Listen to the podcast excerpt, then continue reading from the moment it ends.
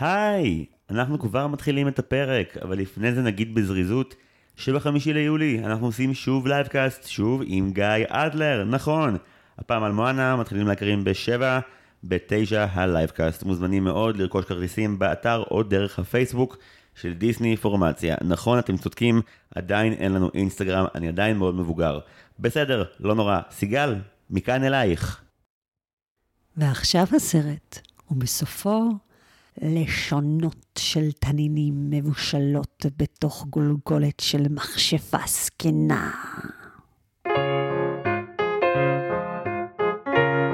היי, אתם על דיסני פורמציה. אני זיו הרמלין שדר ואני משלים את כל הסרטים של וולט דיסני עד שאני מגיע לגיל 32, על אמת הפעם. והיום אנחנו מדברים על ג'יימס והאפרסק הענק, ולכבוד זה הזמנתי אדם שמאוד יקר לליבי, אה, במאית, כותבת דברים, מלמדת תיאטרון, בעיקר אשתי. שלום סיגל צחורי, היי אוש. שלום, זיו הרמלין שדר, איזה כיף לחזור כן. לסלון שלי. לסלון של עצמך, ברוכה השבה אליו. לפעמים אנשים לא מבינים כמה בקלות פשוט מגרשים אותי מהסלון, כי יש שיחות עומק עם כל מיני אנשים מקסימים, חכמים, מרגשים, אבל זה אומר שאני פשוט לא יכולה להיכנס לסלון שלי, וזה קצת מוזר. אני חושב שהסלון הוא מקום אה, שמוערך יתר על המידה, ושאפשר להימנע ממנו, סתם, זה המקום הכי טוב בבית. והחדר כאילו נותן fight, אבל הסלון לגמרי. סיגל, בתור אורחת חוזרת, פעם שלישית כבר, אה, באמת, הנפוטיזם פה זועק השמיימה. אה, הכנת שאלון לאורחת חוזרת? הכנתי. אוקיי, טוב, תני לדעת ממה את עשויה. קדימה. אוקיי. שאלה ראשונה. אז רגע, קונטקסט. לקראת uh, סוף חודש הגאווה, אני חושבת שצריך לתת מקום גם לזה. אז זיו הרמלין שדר, uh, דמות שהיית יוצא להפגין איתה. וואו, זה לא, לא ראיתי את זה מגיע. עם מי הייתי יוצא להפגין? מהסרט הזה או בכלל? מכל סרט, מכל הז'אנרים, מכל הסרטים שראית עד עכשיו. הייתי יוצא להפגין עם קואזימודו, Mm, כי אז השוטרים אף פעם לא היו נטפלים אליי. גזען. זה לא קשור לגזע, זה קשור למראה, זה סתם שטחי. אבל אה, בוא, אם את רוצה להפגין אבל להרגיש בטוחה, קואזימודו הוא טוקן. מצד שני, כאילו, תמיד ישימו לב אלייך. מה, לך יש מישהו כאילו שכבר חשבת עליו רבות? טוב, לא תהיה לי תשובה טובה יותר מזה, קדימה. סטיץ'. הוא הראשון שיקפוץ לאיילון, הוא, הוא יעשה את הבלגן, הוא ישרוף צמיגים, הוא יחזיק 20 שלטים, הוא יעלה על ה floats וינגן, הוא, יכול, הוא multi talent, הוא לכל הפגנה שאתה צריך, יש לו מה לתת. על סטיץ' אמרו אנרכיסטים. זה ההגדרה הכי טהורה לאנרכיסט. אבל חמוד. cute and fluffy. טוב, שאלה שנייה, דברי אליי. עם מי היית, עם איזה דמות היית רוצה לצאת למסיבה? רוג'ר מגופי הסרט. אני רוצה שמי שהולך איתי למסיבות תמיד יחזיק עליו ספרי שמתיז גבינת שדר לכל מקום, אני חושב שזה מגנט מסיבות מצוין. אוקיי, אני הייתי לוקחת את קרונק. כי הוא יכין את האוכל הכי טעים? קודם כל, הוא רקדן מטורף. פלוס, הוא בדיוק הגבר הגדול והמפחיד שאתה רוצה שיהיה בסביבתך, אה, גם שיפנו לך מקום, וגם זה כזה להרגיש בטוחה. אני מכיר אותך כבר 11 שנה, ואני יודע שהסיבה היחידה שאת רוצה את קרום באמת, זה כי הפטרוזיליה פאף שלו, המאפים האלה שהוא מכין, פשוט נראים אלוהיים. תראה, אם אחרי המסיבה אנחנו שיכורים וחוזרים לדירה, והוא מחליט שזה הזמן לבשל, אני לא אמנע את זה ממנו. אני יודע שבזמנך הפנוי את צופה באנימה פוד וורס, ולכן אני יודע for a fact, תפסיקי להרחיק את המיקרופון כדי שלא ישמעו שאת צוחקת, את בת אדם, תתביישי לך. פוד וורס זה, זה רק להתענג ממאכלים מופרזים ויפנים, אז נראה לי שאת אה, מחבבת את קורן כי הוא מחבר אותך לעולם הזה.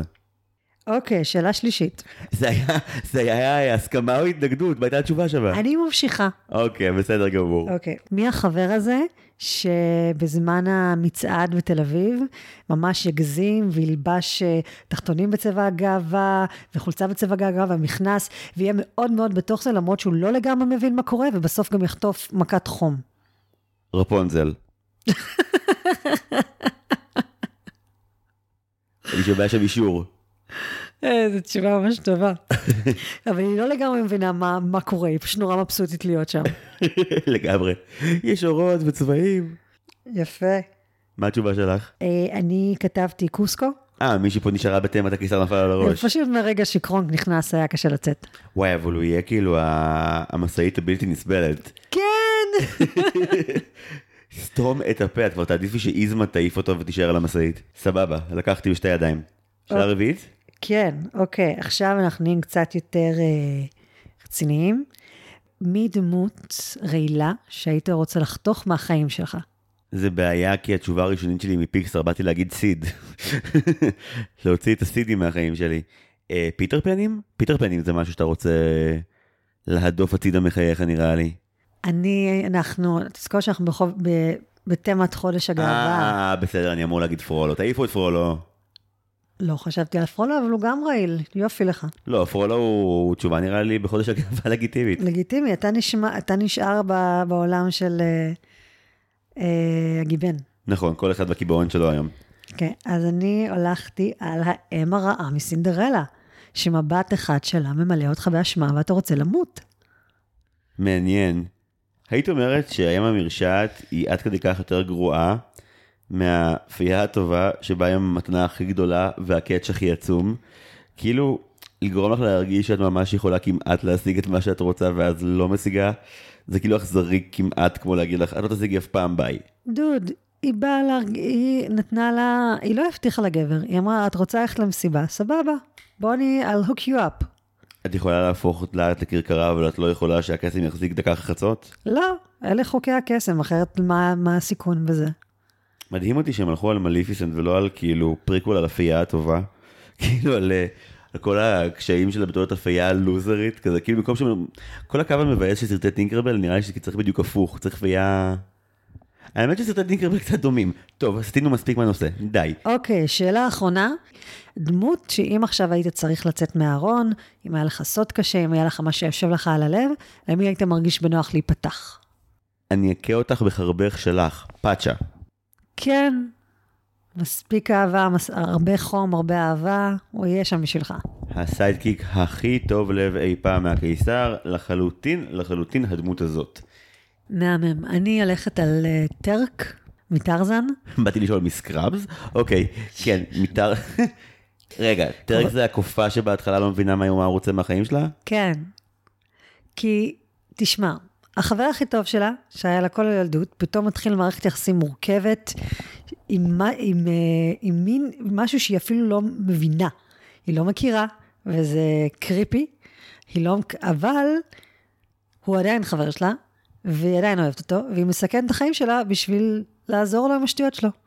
מה זה, אם זה לא חבר טוב, מה... אני חושב שזה מעמיד מה סלע המחלוקת בינינו לגבי מהו חבר טוב. כי את מגיעה מקיבוץ הארדקור, אז כאילו, חבר טוב גם חבר שיודע לצחוק עליך. ואני כאילו מגיע מילדי אינטרנט שכזה, חבר טוב הוא חבר שגם בשלוש בלילה כאילו זה אג'נדות שונות. מה שיפה בחברי קיבוץ שהם יצחקו עליך, ואת בשלוש בלילה ייתנו לך את הדבר שאתה צריך, אתה מבין? אפשר גם וגם. אוקיי, זה היה השאלון שלנו? נראה לי שכן. טוב, סיגל זה היה יופי של שאלות בנושא חודש הגאווה. כל הכבוד על התמה. אהבתי שאורחים חוזרים התחילו לבוא עם תמות, זה לגמרי שדרוג של ההסכת. בהמשך יש לנו שאלות הפעם מהבית, גם בכתב וגם הודעה קולית אחת. הם יגיעו יותר מאוחר, אבל קודם סיגל נתבקשת להכין תקציר של ג'יימס האפרסק הענק. שמע, קשה לת... לסכם דבר כזה, אבל אני יכולה לנסות. אוקיי? בבקשה. אוקיי.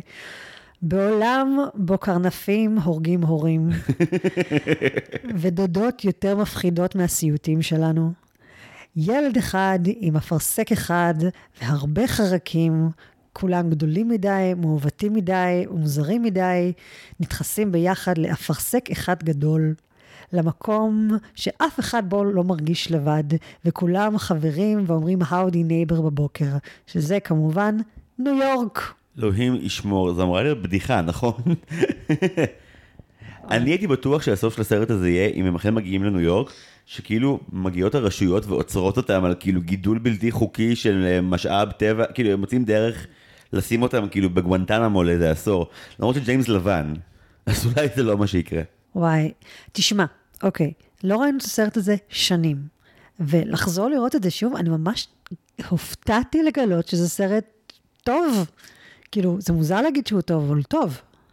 כן, אני, אני מאוד הייתי מופתע מכמה שהסרט הזה היה מוצלח לומר את האמת. אנחנו צחקנו בקול רם. הפתיחה מתעתעת. כי יש 20 דקות של live action, כי מסתבר שהם היו צריכים למרוח את זה בכוונה, כאילו היה להם תקציב ליותר דקות של אנימציה. זה אמיתי.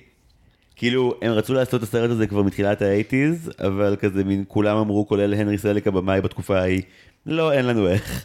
וב-92 כזה הצליחו לרכוש מכזה ממשפחת אה, דאל את הזכויות, ואז זה כבר היה כאילו, תוך כדי העבודה על Nightmare Before Christmas, שהוא אמר, כן, אבל, אבל אנחנו לא יודעים אם זה יהיה live action או, או אנימציה, והם כאילו רבו על זה כל הדרך, עד שהוחלט שזה יהיה הפשרה מטעמים כלכליים, ואז יש לך 20 דקות ראשונות כפי שהיינו מבולבלים לגביהן בהתחלה. כן, אבל אתה יודע שרואלד דאל אה, לא סבל את, את מה שעשו לצ'ארלי בממלכת השוקולד. הוא מבחינתו, זה גמר אותו. הגרסה של אה, 71 עם אה, ג'ין ויילדר? כן. If you believe in רק paradise, אחרי שהוא נפטר, try to change the world, זיו, תתרכז. it would become, אנחנו בסרט אחר. there is love. אוקיי, בסדר, בסדר, כן, קדימה. אה, רק אחרי שהוא נפטר, ואחרי שטים ברטון עשה את הלילה, The Nightmare Before Christmas, אלמנה שלו, אני חושבת, ממש הת- התלהבה ממה שהם עשו שם, ורק אז הייתה מוכנה לעשות עוד גרסה. אני מכיר כמה נרטיבים לגבי משפחת דאל והעיזבון של רואלד דאל. אוקיי.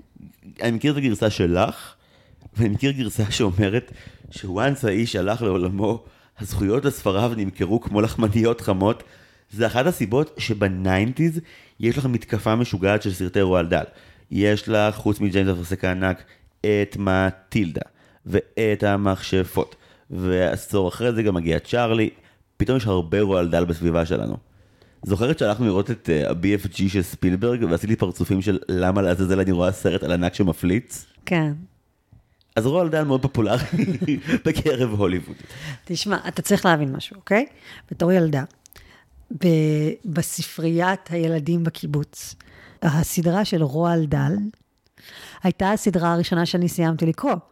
והיה כזה מין השבצה מאוד חנונית, אבל גם מאוד כזה, כזה לסיים את הספר אחד שלו, ולהגיד, סיימתי את מטילדה, מה עוד יש לך? סיימתי את זה, מה עוד יש זאת לך? אומרת, הסדרה של רועל דל הכוונה כאילו ל- אוסף ספרים שהיה... לבוקוגרפיה שהייתה בספרייה של הקיבוץ. כן. ואיזה ספרים זה היה? אה, אני חושבת שחוץ מה-BFG, את כולם. צ'ארלי, מטילדה, ג'יימס, הסיקוול המוזר של צ'ארלי גם? כן. צ'ארלי במעופף עלית הזכוכית? במעלית הזכוכית. מעופף עלית לפי התרגום העברי. מפף תלוי באיזה, תלוי באיזה ספר. היה עם, אה, עם כדורים שגורמים לסאבים להיות אה, ילדים קטנים, אה, מעלית עפה לחלל, המון דברים קורים בספר המאוד מוזר הזה. זה מדהים, כי את אומרת לעצמך, כאילו איזה משמעת הייתה לו לכתוב ספר נורא אכזרי ומפחיד לילדים כל שנה. מכירה את רוטינת העבודה של רועל דל? תספר לי. אני לא זוכר הכל בעל פה, אבל בכותרות, קם בבוקר, אה, שותה אה, משהו אלכוהולי ואוכל קרקרים, בעשר וחצי ניגש לרייטינג האב שיש לו כזה בחצר, כותב, תהיי איתי, שעה וחצי, הולך לארוחת צהריים, שונץ, קם, שותה וויסקי, הולך וכותב שוב מחמש עד שבע, חוזר הביתה ארוחת ערב. משהו בין שלוש וחצי לארבע וחצי שעות כתיבה ביום, עם הרבה נשנושים, אלכוהול ושנץ תוך כדי. דוד, האיש ידע איך לחיות את חיי הסופר, תני לי לומר לך. הרבה אלכוהול. אה, כשקוראים את ה... אנחנו, אפשר לדבר על מה שראינו פה עכשיו? אפשר, אבל אני רוצה כדי לתת רק את המבוא הקטנטן בעולם, לומר שבשתי שורות רועל דל האיש שמאחורי הקונספט שבצ'ארלי בממלכת השוקולד, או צ'ארלי והשוקולדה, שזה ילדים ייכנסו למקום ואז ייענשו, בב... זה קצת כמו שבעה חטאים, נכון? כל אחד דש על החטא שלו. זה קטע מאוד של רועל דל, של... אני, נראה לי אני אתחיל לקרוא לו דלי, פשוט יהיה יותר קל. זה קטע של דלי, ש... דלי זה מישהו אחר. למה? זה כאילו חמוד. עושה reclaiming לדלי? בסדר. אה, חברך טוב דלי. חברי הטוב דלי, זה כאילו יש משהו מאוד חינוכיסטי בסיפורים האלה. אם תהיה ילד שמן, הנחל יתפוס אותך. אם תהיה ילדה מעצבנת, את תיכנסי לתוך טלוויזיה ותמותי. כאילו, שזה סגנון מאוד מסוים של סיפורי ילדים. קצת מזכיר את הסיפורי האימה הגרמנים. יואש המלוכלך, או יואש המיואש. נראה לי שזה או יואש המבואש או יפתח המלוכלך, אלה הגרסאות שאני מכיר. וזה שיח שהתחלנו אותו לפני שנה וחצי, לדעתי, בפרק על פינוקיו. שגם קרלו קולודי היה סופר שמאוד כתב אה, בצורה שמאוד רוצה להעניש ילדים ולחנך אותם ללכת בדרך הישר. ילדים הם חרא. כן, וכאילו גם אצל, אה, אצל רועל דל, חברך הטוב דלי, יש עניין קבוע שהילדים שמקבלים אמפתיה מלאה מהסופר, למרות שהם עוברים דרך חתחתים איומה ואכזרית, הם ילדים שבאמת החיים רק התעללו בהם, שהם טהורים מעצם העובדה שהם רק קיבלו כאפות עד המאורע המחולל. שכולנו, כולם יודעים שאם החיים מכפכפים אותך מלמטה למטה לכל הצדדים, זה פשוט גורם לך להישאר טהור ותמים ובלי טיפת זדון בגוף. כן, כאילו ביקום האמיתי, אז צ'ארלי, מטילדה, ג'יימס, הם מכורים לדברים, הם בעלי נטיות רגשיות קופצניות. ילדים מניפולטיביים שגונבים. מניה דיפרסיה. זה, זה, אלה לא גיבורים שגדלים טוב, אבל בעולם המעוות של רועל דל זה איכשהו בסדר. אז ג'יימס והאפרסק הענק, בספקטרום האכזריות הקבוע של הסופר, איפה את ממקמת אותו? וואו. אה, אה, אולי כאילו היו עוד ילדים, אז יחסית בסדר, כי בדרך כלל זה הילדים שחוטפים, ויש רק ילד אחד והוא סבל כל כך הרבה, ש, שניתן לו, אז לא כזה נורא. לפני חודשיים ישבתי פה ודיברתי על הפתיחה של טרזן שהיא אכזרית, ואז ראיתי את הפתיחה של הסרט הזה, שתדבר על, על, על, על הפתיחה. תשמע, זיו, לפעמים קורה מצב, ואתה יושב לך בחוף הים הציורי שלך, עם המשפחה האידלית שלך, ומסתכל על עננים, ואז מגיע קרנף והורג את כולם. אני לא מבינה מה אתה נתקע, צריך להמשיך הלאה. קרנף שהוא רוח רפאים, שהוא ספק חלום. ואז במשך רבע שעה, הדודות המורשעות של ג'יימס... רגע, אתה, אתה זוכר מה, מה צעקת אתמול? מה צעקתי אתמול? הם מתו על הקרדיטים! כן, הם ממש, יש כזה קרדיטים, פתיחה, פתיחה, פתיחה, קרנף רע הורג את ההורים, קרדיטים, קרדיטים, קרדיטים, נכון. זה אכן, זה אכן ה strange uh, הפרעה ב force. אז יש לנו רגע שבו... Uh, שוב, קרנף שהוא נראה כמו ה-nothing מהסיפור שלא נגמר, זה מין ענן רצחני שבא והופך לקרנף, ואז אין לו הורים, וקורה משהו שכאילו נגיד אה, קוראי או צופי הארי פוטר יהיו מאוד רגישים אליו. השתי דודות המרושעות של ג'יימס לא מפסיקות להטיח בפרצוף את המוות של ההורים שלו. אימא'לה, הם כל שניה, אולי קרנף יבוא להרוג אותך, אה, תפסיקו. הם באמת, אתה, זה נכון, הם באמת מרגישות כמו הדרסלים בעונה הראשונה. סליחה, וואו, נורא. עוד לא, עוד לא יצא. אה, נשמעים, הם באמת נשמעות כמו הדרסלים בפר, בספר הראשון. אבל הדרסלים כאילו מין... שלא תגמור כמו ההורים שלך בקר קראש, שזה כאילו דיון הרבה יותר של מין תיזהר לך, לא אבל... ננה בננה הוריך מתו. רגע, אבל זה אפילו העיצוב שלהם, של איך שהם נראים, ואיך כאילו, איך שאתם מתארים אותם, זה מאוד גרוטסקי, זה מאוד מגעיל, וזה התכונות הכי לא נסבלות של החברה הבריטית הבינונית, כמו שג'יי קיי רולינג אוהבת. אה, אבל אם אתה כבר קפצת להארי פוטר, אתה זיהית מי הדודה השמנה? היא הרגישה לי מוכרת בטירוף. מי זאת? זאת מיס פוץ, המורה להרבולוגי. אה, כן, המורה לביולוגיה? מדעי הצמחים, סליחה. תודה. מדעי הצמחים. ואתה יודע מי עושה את הקול של התולעת? כן, את זה אני יודע, זה לופין. זה לופין! זה גם, uh, יש לנו דיון חוזר עליו, על זה שתמיד מלוהק להיות או ממש רע או ממש טוב, וכאן יש איזשהו אמצע ממש כיפי לשם שינוי. הוא כל כך פתטי. אני ממש... הוא היה ממש מצחיק, זו עבודת דמות מאוד טובה. כן, דיוויד יוליס אה, מדהים. אה, למי שתוהה מאיפה הכל מוכר לו, זה השיימו וויזרד מביג מאוס. למי שזה פילו אסימון ולמי שלא, סליחה על הזמן שלכם. אוקיי. כן. משהו שחשבתי עליו. לפני כמה שבועות מישהו שאל אותנו, למה אנחנו כל כך לא סובלים את ה-live actions, זוכר? כן. מה יש לנו נגדם? וזה נשאר לי בראש, למה זה באמת כזה מפריע לי, מה, מה עושה לי רע בחיים, גם ראינו הרבה אדפטציות, למה זה כזה יושב. ואז הבנתי שהניסיון החדש ב live action, חוץ מלקחת לך כסף על הנוסטלגיה, זה מין ניסיון לקרקע את הקסם. ניסיון להפוך דברים כדי לגרום, לס... כדי שהסרט ירגיש, כדי שהסיפור ירגיש אמיתי. הם לוקחים את ה... את הדמויות ואת העולם ומנסים לקבול אותו ברצועות של היגיון, של, של מציאות. והם נותנים כל מיני הסברים שבסרטים בסרטים המצוירים לא היו לנו נחוצים. כי באנימציה יש את העניין של suspension of disbelief. אתה פחות אה, יושב על זה כדי שזה יהיה פחות מפריע לך עכשיו, הנה דוגמה טובה, שבבת הים הקטנה המצויר, בשיר Kiss the Girl, פתאום כל הדגים מתחילים להוציא סקסופון ותופים ו- ומרנגה. זה ו... מרגיש הולם, זה מרגיש בהתפתחות טבעית של הרגע. כן, וזה ממשיך הלאה, וזה, and it's never talked to again. זה פשוט ממשיך באופן טבעי, וזה לא מפריע לך. כי בעולם המצויר יש יותר פלואידיות למה אפשרי ומה לא אפשרי. בדיוק. נכון. אבל בגרסה החדשה, אה, זה הרבה יותר נוקשה, ואם אתה היית רואה שם עכשיו דג ריאליסטי מנגן על סקסופון, זה היה צורם לך. אני חושב שאם הייתי רואה שם דג ריאליסטי מנגן על סקסופון, הייתי צוהל משמחה. כי מי שראה את מה שכן היה, אני לא יכול להגיד שאני מאוד מסופק, סיגל, ממה זה... שקרה ברימייק הזה. זה כמו שביפה והחיה הוסיפו כל מיני סעיפים של כן, והקללה תשפיע על אנשי הכפר, שלא יזכרו. זה nitpicking שהוא מיותר, ומה שהוא עושה, זה הוא קצת שואב את הקסם ואת הצבעוניות מתוך העולם שאהבנו ומתוך הסיפור שאהבנו.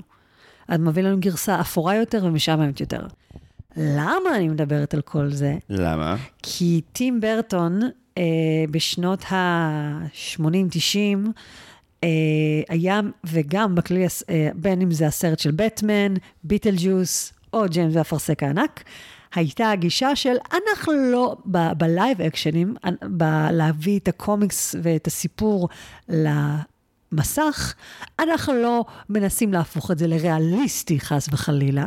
אנחנו מביאים את, הקיצון, את הקיצון הגרוטסקי, הדרמטי, המעוות והלא אנושי למסך. טים ברטון נדון בהרחבה בפרק הרימייקים הראשון של סינוי משייקי צ'אלס, אז אני לא אחפור עוד פעם כל זה. אבל אני כן אגיד שנתקלתי לאחרונה ב, ב, בגרסה הנפוצה באינטרנט, שנגיד ביחס לסיום לפני חג המולד, אז טים ברטון נחשב לממש לילד זין בגדול, כאילו מין, הוא כאילו, הבנתי שהנרי סליק עשה את רוב העבודה הקשה, וטים ברטון מדי פעם מגיע לסט ואמר, אוקיי, תעשו א' ב' וג', והנרי סליק כזה, כן, כן, כן, תמשיך לאפשר את הסרט שלנו, יא מניאק. עכשיו, אני לא יודע כמה מזה נכון, זה בעיקר סיפור כיפי, אבל כמה שברטון תרם לאסתטיקה באותם ימים, ובאמת אפשר שסרטים כאלה יהיו כאלה חולים, אה, הפרק הזה אנחנו הולכים all in על הנרי סליק, האיש... לאחר מכן יקים את אולפני לייקה, ויביא לנו את קורוליין, ואת קובו, ואת הבוקסטרולס. רציתי להגיד שזה מרגיש קצת כמו קורליין. זה מדהים, כי כל הקטע הכביכול ריאליסטי, ממש מקאברי, גרוטסקי, האיפור הלבן, ההבעות המוקצנות. יש משהו יותר קרטוני בדוד, בדודות מאשר בחיות המגודלות, המאוירות בתוך האפרסק. תחשוב איזה מטורף זה. אני חושב שאת לגמרי צודקת, ובכל מה שקשור לעיצוב, זה, דיברנו על זה שאנחנו כאילו במקום מגיעים מלהיות חנונים של תיאטרון, וזה כאילו ירגיש כזה משהו שהוא בין האבסורד לבין הברכטיאני, כאילו בקטע של מין, ממש לא נותנים לי להאמין שהאנשים האלה הם דמויות אמיתיות, ממש מזכירים לי שזו איזושהי קריקטורה וככה לא בני אדם אמיתיים מתנהגים. הדרך היחידה להכיל את ה... רוע מטורף של הדודות. זה קצת כמו שדני דויטו מעצב את הדמות של המנהלת הרעה במטילדה שלו כמה, באותו זמן בערך. שהיא כאילו, היא כל כך רעה עד שאת נעה בין לפחד לבין לדעת שאין אנשים כאלה במציאות אף פעם. יש אה, מאמר מקסים של ברגסון על הצחוק, שזה תמיד מה שאנשים רוצים לשמוע כשהם באים לפר, לפרק של דיסני בזמן שהם שוטפים כלים. אני חושב שכבר יודעים שכשנופלים עלינו זה ממש אה, חתול בשק. אנחנו כמו ברטי בוטס, יש שיגידו כפודקאסט. אז אחד מהדברים שהוא אומר שם, זה שאחד מהאלמנטים של קומדיה, זה הקצנה של, הר... של, ה... של הרוע, כאילו הקצנה של המציאות. אם uh, בן אדם uh, הולך, אם איש מבוגר נופל ברחוב ומקבל, uh, נופל ברחוב, אתה לא צוחק, אתה, אתה דואג לו, עושה, אה, כואב, ואתה בא ואתה רוצה לעזור. אבל אם אותו בן אדם מחליק על בננה, ועף, ונתקע בעץ, ומתגלגל, ועף מעל, מעל, מעל גדר, וכל הדברים האלה, אז זה פתאום הרבה יותר גדול, הרבה יותר גרוטסקי, ולכן הרבה יותר מצחיק. יש לי דוגמה לא מדיסני, אבל היא מסבירה את זה טוב נראה לי. לך על זה. אוקיי, למי שיש לו סבלנות לבדוק דברים בפודקאסט הזה, אז אם לא ראיתם מערכון של פלטפוס שנקרא ברגיג ידרדר, אז לכו לצפות בו ואז תחזרו לכאן. זה חמש דקות וזה מצחיק נורא, אבל ברגיג ידרדר במציאות, אם היית רואה איזה איש מבהיל מתקרב לילד ומנסה לשדל אותו להפוך להיות קשוח ורע יותר, האם מזיקה את המשטרה או את הרווחה? זה היה מאוד טרגי. במערכון, משהו בגישה לרוע נהיה באמת מכני, כלומר, אתה לא אמפתי ורגיש לעובדה שזה הוא רוע ולכן אתה אמור להרגיש זעם כלפיו ורצון שטוב ינצח. יש פה איזושהי שוב הכחכה של רוע כשאת יודעת שאת בעצם רואה איזושהי פרודיה על אנשים רשעים ולא אנשים רשעים באמת ואז את יכולה לצחוק מזה ולא לא להתרגש מהסיטואציה ברמה האמפתית שלה. אני תוהה אם זו הייתה הכוונה, כי כל ההתחלה, אם חושבים על זה רגע, היא מאוד נוראית. יש לך ילד, ההורים שלו מתים, הוא הולך לבית, הוא עובר התעללות. אם בש... באיזשהו שלב היו מתייחסים לזה, הוא מלקק את, ה... את, את, את החפיסה של הצ'יפס שהייתה בפח. זה באמת רגע טרגי, כאילו, העביד אותו בפרך כל היום, הוא באמת סינדרלה, ההשוואה, ההשוואה במקומה. והוא חוזר מיום של מטלות, והדודות שלו אוכלות איזה תבשיל בטטה, שגם בעצמו נראה לא מדהים, אבל הם כאלה מוצגות באמת בצורה כל כך חזירית ומרושעת, שכאילו, עצם זה שהן אוכלות מתוך קערה זה הישג, והוא מגיע, והן עובדות עליו כאילו שלא נשאר לו אוכל, אבל בעצם הם השאירו לו, ורק כדי להתעלל בו, בלי שום נימוק, הם השאירו לו שני ראשים מגעילים במיוחד של דגים מתים. זה רוע לא מוצדק, לא, אתה לא יכול, אתה לא מתחבר אליהם, אליהם פסיכולוגית, אתה לא מבין, הן פשוט רעות. למה ככה?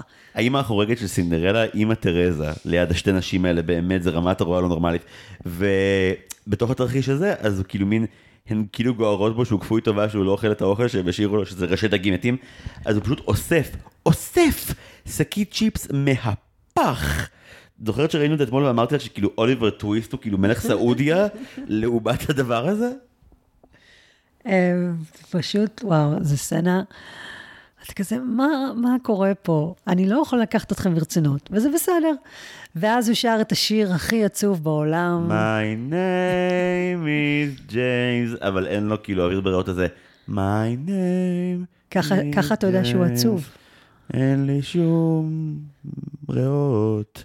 או ברזל, כי לא מאכילים אותו. כאילו, נכון, האמת, אז אולי זו בחירה מכוונת שאין לו כוח לשיר, כי הוא פשוט גוסס ברעב. כאילו מצד אחד זה נורא מצחיק ונורא מטופש, מצד שני אנחנו מזמזמים את זה כבר תקופה.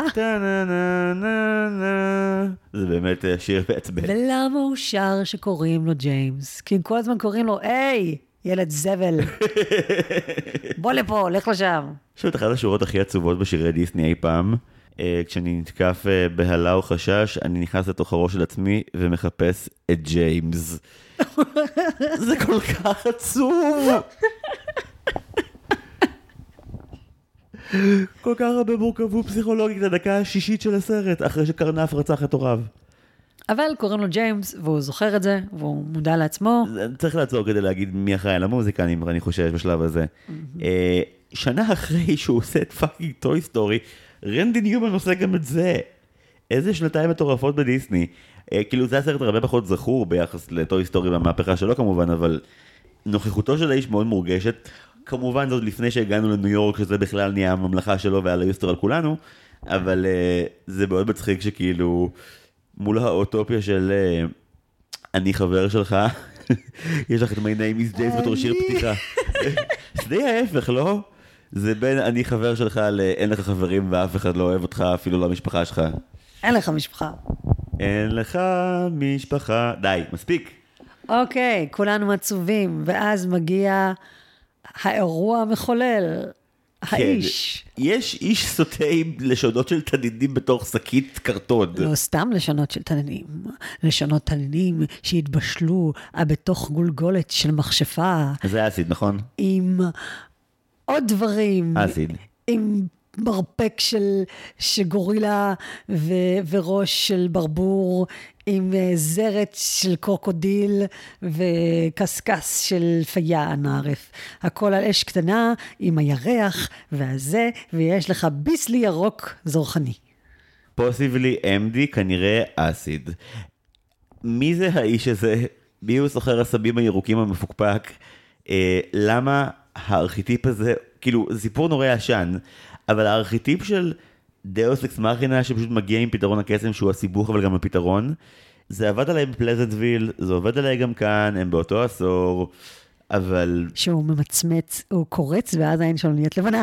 אז הוא קורץ והיא חוזרת להיות רגילה, ואתה כזה, אוקיי, ממשיכים הלאה. כאילו המסר הוא אני קסום, תקבלו את זה שאני קסום ונעבור הלאה מכאן בלי שום הסבר נוסף. אז הוא מביא לו את שקית הפופקורן שלו מלאת הביסלי, ואומר, חשוב, תאכל את זה, תאכל את זה, ויהיה בסדר.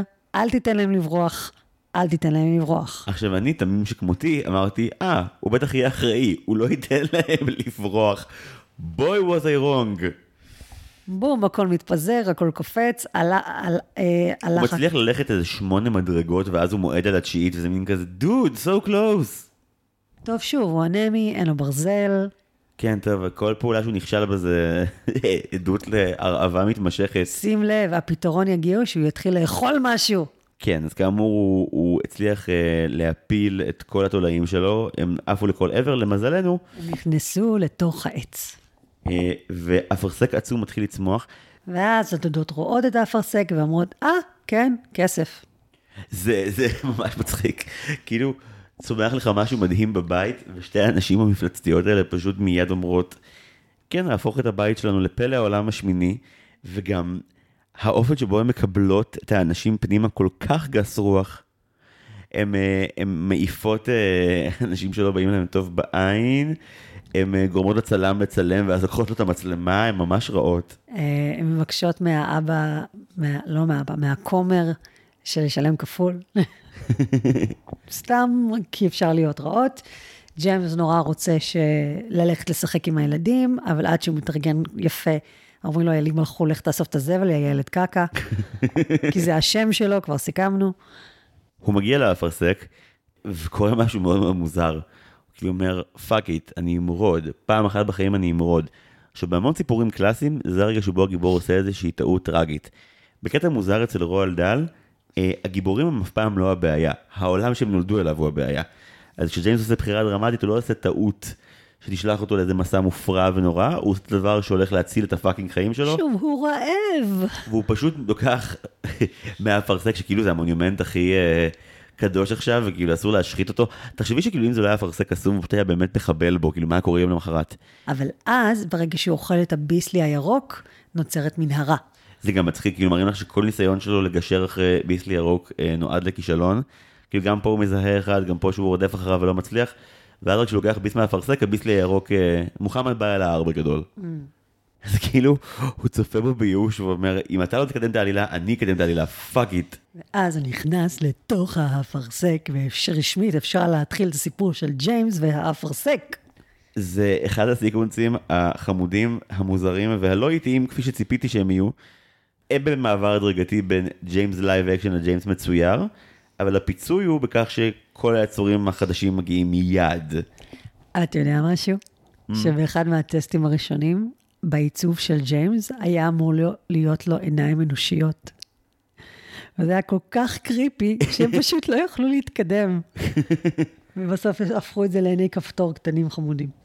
כן, זה הזמן להזכיר שבניגוד לסרטים אחרים שבהם מוסר ההשכל אה, מגיע בסוף, אה, בג'יימס אפרסק ענק מוסר ההשכל מגיע בדקה אה, שבע או שמונה. מה מוסר השכל? תספר לי. כשאת רואה עכביש, אף פעם אל תהרגי אותו, אין לדעת. חושב- אין לדעת מה יקרה. אתה אומר שהסרט הזה בעצם נוצר על ידי עכבישים שבאו אה, לשנות את התדמית שלהם בעולם, ונתנו לעכבישה הצרפתייה הסקטית את הקול של סוזן סרנדן. יש איזשהו היפוך תפקידים מאוד קטן ומאוד יעיל שקורה בסרט הזה. כל זמן שג'יימס הוא גדול, אמ, הוא נוהג בחיבה מאוד בעכבישה, הוא רואה בה איזושהי שותפות גורל קטנה כי את טיפה אסירה, אני טיפה אסיר, אה, אני לא אתן לדודות שלי להרוג אותך, אני אשמור עלייך. זה כאילו ג'יימס ראה לפני זה את ניליס הולגרסון, הבין את הלקח, תהיי תהיי טובה לבעלי החיים סיגל, ויום יבוא, ו... והם יהיו טובים אליך. ממש ככה, כאילו גם, זה הרבה יותר טוב מהדיל של שלגיה, שהיא סתם חמודה והם עושים מה שהיא רוצה. סליחה, סליחה. שלגיה נחמדה לחיות, ואז הם fucking הורג- הורגים את המכשפה. זה לא בא בקלות. אוקיי, ועם זאת כאן הגומלין בין העכבישה לבין ג'יימס מאוד ברור. הוא יותר חמוד. הוא הציל את החיים שלה. והוא אה, היה מאוד מאוד אנושי כלפיה, וברגע שהוא נכנס פנימה, היא לוקחת את התפקיד שהיא גם התפקיד המכריע שלה בסוף, היא נהיית האימא שלו. אוי, איזה דמות חמודה. גם מקסימה. כל הדמויות שם מקסימות. כן, אבל מאוד היא- אנושיות. היא ייצוג ממש טוב לעכבישים. אם אתה מפחד מעכבישים, אחרי הסרט הזה אתה עלול ממש לחבב אותם. מה אתה חשבת על העקבים שלה? שישה מגפיים, כל אחד עם עקב כזה שיכול להרוג. אה, שוב, היא צריכה להיות גם קטלנית. אני מאוד ריחמתי על מרמר ברגליים. מבחינת עיצוב, אה, העכבישה הכי מגניבה, אבל אחריה אני חושב שהתולעת מקום שני. אני נורא אוהב את התולעת, הוא מעוצב נורא מצחיק במשקפי שמש שלו. שזזים יחד איתו. כן, הוא, הוא דמות ממש... למה יש לו משקפי שמש, זיו? למה? כי הוא עיוור. תולעים לא רואים. כל הזמן הוא לחור, כאילו זה, זה משקפיים של... סומה בחשיכה. כן, מסכן. הוא אפרסק, הוא ואז הוא באמת נהיה נכה בסיטואציה הזאת. זה קטע כי מהסצנה הזאת, אין, אין לסרט כמעט שום סיפור לספר. זה פשוט רצף כאוטי של הכרת דמויות והרפתקה, וזה קצת הזכיר לאליס- הזכיר בארץ הפלאות, שעוברים מדבר לדבר לדבר, ואין באמת קשר או סיבה, אבל זה כזה דמיון של ילד. זמן טוב להגיד, אני חושב, שכאילו, תורידי את uh, כל הדרמות עם uh, טפיטי ומאוי בחלק האחרון, כאילו, ג'יימס המפרסק הענק, זה מה היה קורה אם למואנה לא הייתה עלילה. כאילו אם זה היה רק כזה, הבוקסטרולס, תמטוע, פשוט סיקוונס אחרי סיקוונס של אתגרים ימיים נקודתיים שחולפים על פניהם ועוברים הלאה. טיפה כמו אליסה, זמן טוב להזכיר, אם כבר אנחנו פה, שיש לנו לייבקאסט של מואנה בחמישי ליולי. יש כרטיסים עדיין, אתם יכולים לרכוש אותם. זהו, לכל מי שאמר שאנחנו רק בסוף הפרקים, ואז אף אחד כבר לא שומע, כי אף אחד לא מגיע לסוף אף פעם, אמרנו אחד- באמצע. מי אמר את זה? אנשים אה, ערלי לב. אז הם בעצם הודו בפניך שהם לא מגיעים לסוף הפרקים, ואז האשימו אותך? מי שלא מגיע לקרדיטים, אני לא חושב שאני מאשים אותו. כאילו, מותר לדלג על הקרדיטים אם אין לך כוח, אם אתה עסוק, אם זה יום ממושך. אה, אבל כן התחלנו לשמור את אה, שאלות המאזינים כשעושים כאלה בכוונה לסוף כאקט מתריס. אה, מתריס. חזרה לסיפור שלנו בבקשה. אז כן, יש אוקיי. פה, אין- אין פה סיפור כמעט בכלל. אין יותר. סיפור, אבל יש התפתחויות של דמויות. אתה מגלה שהעכבישה היא לא כזאת מפחידה, אתה מגלה שהחרגול הוא כזה אומנותי, אתה, אתה מגלה על הדמויות עוד דברים.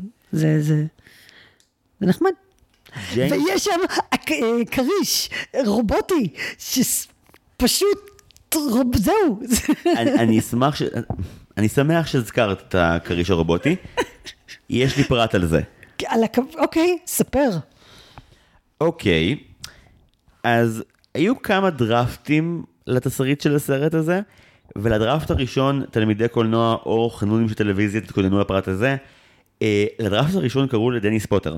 דניס פוטר, מאחורי אחת הקלאסיקות הכי גדולות של הטלוויזיה הבריטית, The Singing Detective, הבעיה שמזמר.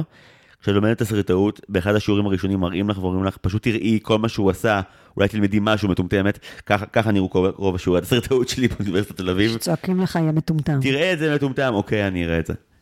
ואז לא ראיתי את זה. זה היה אה, תרגיל מאוד קיצוני בסגנון, זו סדרה מאוד אפלה, מאוד. והוא כתב את הדראפט הראשון. עכשיו, דיסני לכאורה התנערו, אבל עדיין מרגיש שאריות מפורשות של הסגנון שלו לאורך הסרט. הוא רצה שהכריש הרובוטי יהיה נאצי. למה? אני חושב שאת לא מעריכה את ההצעה כמו שצריך. הוא רצה שיהיה כריש נאצי בג'יימס והאפרסק הענק. אבל למה? למה לא? כאילו, זה לא שנאציזם זה משהו שרחוק מהטון של הסרט, או מהטון של הדודות. תראה, במשפט אקראי כמו בזמן שאפרסק ענק שט בים עם הרבה רגליים וגחלילית ויצורים שונים, ואז מגיע כריש רובוט ענק ומנסה לירות עליו כרישים קטנים. ובמטרה לעשות מה? לאכול אותם? הוא, הוא רובוט. מה, מה, what's the point? אז אתה רוצה להוסיף לזה גם נאצים? בגדול, כל הטון היה הרבה יותר אפל וביזארי, וכן, הדבר שגרם לדיסני להגיד, לא, זה היה הקטע של הכריש הנאצי. אז מצד שני, עם מה נשארנו? יש לו אנרגיה נאצית, אני לא אומרת שלא. יש לגמרי, גם על כל האסתטיקה, אבל כאילו, למה יש כריש רובוטי שיורה טילים על האפרסק? למה? כאילו טילים שנראים כמו כרישים, אבל הם סוג של, כאילו גם בסוף, סוף הסיקוונס כולל פיצוץ כל כך גרפי, שמב... שמרמז על המון המון המון הרס ונזק, ואתה כאילו, באיזה סרט אני? ולמה זה קורה? ואנחנו צחקנו בקול רם, כי, כי איך אתה אמור להגיב לדבר הזה? כי זה מאוד כיף שבתור מי שראו המון סרטים של האולפן ומרגישים שיש כבר נוסחה קבועה, הכאפה הקודמת שקיבלתי הייתה נראה לי באזור פרק 51 עם הטוסטר הקטן והאמיץ, אבל הוא היה סרט שמאוד סיוט לצפות בו, כי הוא מאוד מייסר רגשית. זה היה כיף! למה יש כריש רובוטי? למי אכפת יש כריש רובוטי? אוקיי, בוא נמשיך. אתה יודע משהו שאחד מההבדלים המהותיים ביני ובינך? אתה סיפרת לי, כשהיית ביסודי בכיתה ג' או ד', המורה נכנסה לכיתה ואמרת, טוב, עכשיו רואים סרט. ואיזה סרט זה היה? ליל סדה. ליל סדה. ששם מזרחין, כן, בטח. כן. אז אני הייתי במצב דומה, תאמין או לא, בכיתה ד', המורה נכנסה לבית ספר, לכיתה, לא היה לה כוח ללמד. היא אומרת, טוב, עכשיו רואים סרט. רק אצלי זה היה ג'יימס ואפרסק הענק. ראינו את זה בזמן בית ספר. הטראומת הקרנף קרתה שם. הכריש היה על, אה, על אחריות המורים, שהכניסו את הכאוס הזה לעולם שלנו. אני חייב לשאול, ראית סרט בבית ספר, ראיתם עד הסוף, או שעצרו לכם אותו אחרי חצי שעה כמו בכל השיעורים המעצבנים? וואו, זו שאלה טובה. יכול להיות שאף פעם לא ראיתי את ניו יורק. כל פעם שראיתי, לרגע הבנתי, לרגע הייתי כזה, היא מדברת על המציאות, לא על הסרט, כי בסוף, אוקיי, בסדר, הבנתי. מי שרוצה לממן טיול לניו יורק, אה, יש לי Head Start, נקרא, סיגל רוצה לטוס לניו יורק ואין לה כסף, כי היא בחרה ללכת לחינוך. וכן, יכול להיות שאף פעם לא סיימתי לראות את הסרט הזה בבית ספר? זה מדהים, זה, זה מסביר הרבה מהתגובות שלך אתמול כשצפינו בו. כאילו, בחצי האחרון איבדת את זה. אוקיי, אז יש לנו עימות עם כריש רובוטי, ואחרי זה יש לנו את הממלכה הימית. הם הולכים, בטוחים שהם הולכים למות מרעב, ואז ג'יימס אומר להם, דה, כאילו, אנחנו נפרסק. אנחנו על מק... רכב שעשוי מאוכל. כן. כן. שזה קצת הפחיד אותי בתור ילדה, כאילו, אם תאכלו יותר מדי, אז לא תאכלו, כאילו, זה, אבל כנראה שזה מספיק גדול, אז הכל בסדר. לא, אל תדאגי להם, כאמור, אה, ג'יימס הוא התלמיד המצטיין ביותר של ניליס אולגרסון, ולכן הוא לא ניסה אפילו משא ומתן נחמד עם אווזי בר. לא, הוא פשוט הפך את השכפים לעבדים שלו. גם אתה פחדת כל פעם שהוא משך חזק מדי בחוטים, אני חשבתי שהמפרקת שלהם תישבר והכל פשוט... אני פחדתי שמה שיפול זה המקור, אבל כאילו זה נראה ברוטלי ברמות. הילד במבצע מאוד אקשני, אבל אלוהים ישמור, פשוט גורם לכך שהמון אה, חוטים וכבלים שהעכבישה טובה פשוט יהיו השוט, העוקף, החבל שאיתו השכפים האלה מוחזקים בשבי. זיו, אה, כמו שאמרו בחוות החיות, אה, כל החיות שוות, ויש כאלה ששוות יותר. וואי, גם השכפים כאילו מיד מקבלים את ה... כאילו הם לא ראו ג'אנגו, הם כאילו קיבלו את המסר כלשונו. יש לך חרקים עם אופי ואישיות, ו- ותשוקות ורצון, ויש מי שנועד להיות עבדים, זה בלתי נמנע, זה החיים. זה גרסת הגיהנום של תיבת נוח, שכל הג'וקים שורדים, והציפורים הם uh, ברשותם, ואין בני אדם. אז הם העיפו, הם עפו כל הדרך ל... או לצפון או לדרום, אבל הם בקרח עכשיו. הם מגיעים כנראה ממש לצפון. חשוב להגיד שהם הולכים אה, לכיוון ניו יורק, כי ההורים באמת של ג'יימס, כמו שאמרת בתקציר, אה, גרמו לו לפתח אה, פטישיזציה לאמפייר סטייט בילדינג. זה מזכיר לי את אה, מה שתמיד מספרת לי על הדיכאון של, של מי שמגיע ל, לפריז. דיכאון פריז, כן. שכאילו אתה, אתה כל כך... זה ספציפית של חבר'ה מאסיה, נכון? זה ספציפית קטע של יפנים, שעובדים רוב החיים שלהם, ו- וכמעט אין להם חופשות. יש להם איזה חופשה אחת או שתיים בחיים, וממש מכרו להם את הקונספט של פריז, עיר האורות, איזה יופי, איזה מיוחד, ואז הם מגיעים, וכאילו, פליטים, ושביתת זבל, ובלאגן, וזה לא החלום האידיאלי שהיה להם בראש, ואז הם נכנסים לדיכאון. כן, אז ג'יימס, וניו יורק. מי אני מצטערת, אבל גם יש שיר שלם על בוא נלך לניו יורק, כי יש שם גם תרבות וגם זבל, גם פרחים וגם אה, חיי לילה סוערים. וכזה, אבל זה לא המקום שאתה רוצה בשביל לא להרגיש לבד בעולם. פרס השיר הלא משכנע של הסרט. כאילו, ניו יורק, ניו יורק, אני יכול להצליח שם בגדול, או שאני יכול לחיות כהומלס ברחוב. אלה שתי האפשרויות. אין שם קהילה תומכת, אין שם חברים, אין לו שם משפחה, הוא פשוט סתם שם. כמה אנשים מתו מרעב ועוני כשהם עדיין מאזינים לצלילי ניו יורק, ניו יורק של פרנק סינטרה בניו יורק? פרנק סינטרה הוא בכלל מניו ג'רזי, אבל בסדר. אחת הבדיחות הכי מצחיקות בכל הסרט, זה כשהם אה, לקראת הסוף מגיעים לניו יורק והם נופלים, אז נראה לי שזה, אני לא חושב שקוראים לזה החגב המרבה רגליים, מישהו צועק בהיסטריה, לא, לא, אם נסטה מהמסלול זה יכול להגיע לג'רזי. שזה ממש, זה נורא מצחיק. כל הקבלילה של איך הוא אה, משקר להם שהוא ראה עולם, ובסוף מתגלה הסוד המכוער, הוא פשוט ראה שני עמודים של ה-National Geographic שהוא חי בתוכם, טוויסט, טוויסט מדהים ומצחיק ואחלה אדפטציה לקולנוע. או, זה היה חמוד. אוקיי, אבל רגע, אז הם הולכים לאיבוד, הם מגיעים לקרח, כולם צועקים לו ברגליים שהוא חרטטן ובגללו כולם ימותו. תירס חם. מה תירס חם? תירס חם, מרבה רגליים הוא אופיר, הוא הבטיח להם שהוא יודע את הדרך, והם אומרים לו, אתה אופיר, אתה חצוף, מה זה פה, האם שכחת איפה התירס שהבטחת? והוא אומר, לא הבטחתי, אני סתם חייתי בתוך שני עמודים של National Geographic, לא באמת ראיתי עולם, אני לא באמת יודע איך להגיע לניו יורק.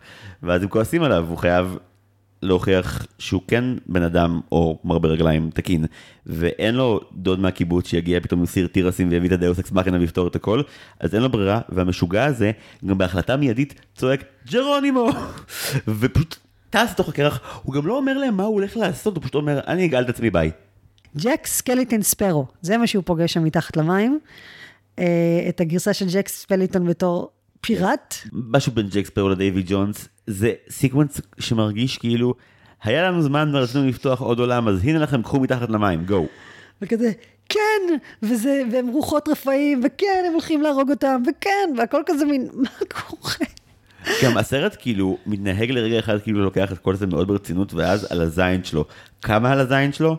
אחרי שכאילו ג'יימס נכנס עם עכבישה וזה הירואי והם מצליחים לקחת את המצפן ומרבה רגליים כבר איתם בדרך החוצה אבל אז הפיראט עדיין אה, אה, מוביל את כל הרעים עליו והם סוגרים עליו וג'יימס והעכבישה עולים למעלה. העכבישה אומרת אני אחזור להציל אותו. ואז מה קורה? הוא פשוט יוצא לבד בתור מלך הפיראטים הסוף. אתה שכחת כמה פרטים. כן, בבקשה. שאחד מהפיראטים זה דונלד דאק, רק בצורת שלד. זה היה דפוק. זה היה מצחיק. ושבעודם שוחים מתחת למים, רואים שם כזה ברק, ורואים אה, חרטום שיש בו בדרך כלל בתולות ים של ספינה נטושה, ויש שם שני פסלי עץ של הדודות המפחידות, ואתה משום מה היית בטוח שאה, הם מתים מתחת לים, יופי. ואמרת, זרקת את זה הערה בזמן הצפייה, ואני כזה... זה היה מרתיח. זה כאילו היה גג, כי יש כאילו מין מאובן בים שנראה כמו הדודות, אבל זה כל כך נראה כמו הדודות, שאתה אומר לעצמך, רגע, הרי הוא נכנס לתוך האפרסק, ואז האפרסק נהיה ענק, ואז, לא אמרנו קודם, נגיד עכשיו, הדודות שלו באות אחריו, והן זוהמות, ואז האפרסק בעזרת מבע הרגליים פשוט מתגלגל, ומועך את האוטו שלהן והם בתוכו. אתה לא בטוח מה קרה להם. בספר, אגב, מה קורה פה, את זוכרת? לא. הן מתות. לא נכון. כן, בספר הן פשוט מתות פה. ביי, הסוף. הסיפור ממשיך בלעדיהן. הן נמחצות על ידי אפרסק והן פשוט מתות? זה הסופר שהביא לך את ויולט מצ'ארלי והשוקולדה ואת מייק טיווי. כן. וואו. זה הבחור הזה. הוא מכניס ילדים לטלוויזיות, הוא מוציא ילדות דקיקות על סף המוות, הוא לא רואה בעיניים שלו. אני בהלם. אז במקור הדודות מתו. כאן הן אולי מתו, אולי לא, אולי נמעכו, ואז בים יש את הגופות המרכיבות שלהם, ואמרתי, אוי, זה ממש אפל, אבל גם נורא מגניב. לא, זה היה גג. הם היו בזה, הם מצאו את המצפן, הם מגיעים לניו יורק, זה קורה. זה קורה לא לפני שהקרנף מגיע. אחרי... למה לא? אחרי שכאילו חצי סרט הדודות של ג'יימס איימו עליו שיש קרנף והוא הולך להרוג אותו. והחגב אומר לו, לא, אין קרנף, עבדו עליך. זה פשוט האקראיות של הסיטואציה, כזה, כן, אז עכשיו קרנף. עכשיו, כאילו כל הסרט, גם כשהדודות לא בסביבה, ג'יימס בפאניקה מטורפת מהקרנף, מה יקרה כשהוא יבוא, מה יעלה בגורלו, ואז הוא מגיע, וכאילו הסרט לא ממש התייחס לזה בתור דבר חשוב שהוא כזה ילמד להתגבר על הקרנף כי מלכתחילה הדימוי של הקרנף קצת מסורבל כאילו מין הקרנף זה הפחדים שלו הקרנף זה המוות של ההורים שלו מה זה בדיוק. אבל איכשהו זה כאילו... עניין של, לש... אבל מה שקורה שם זה לשנות פרספקטיבה ולא לא להילחץ. אבל אז גם אין קרנף והוא בעצם פשוט סופת ברקים. כן. הקרנף הופך פשוט לברק כשג'יימס עומד מולו ואומר, אני כבר לא מפחד, אני האחד, אני הגיבור, אני... עכשיו, הדימוי הזה של לשנות את איך אתה מסתכל על דברים חוזר כמה פעמים. ההורים אומרים לו להסתכל על העננים בצורה אחרת. הוא אומר לתולעת, שהיא אומרת שאני אני כישלון, אני כישלון. בעצם הוא אומר לתולעת, לא, תסתכל על זה אחרת. אתה נלחמת בציפורים ו, ו, וניצחת כריש נאצי.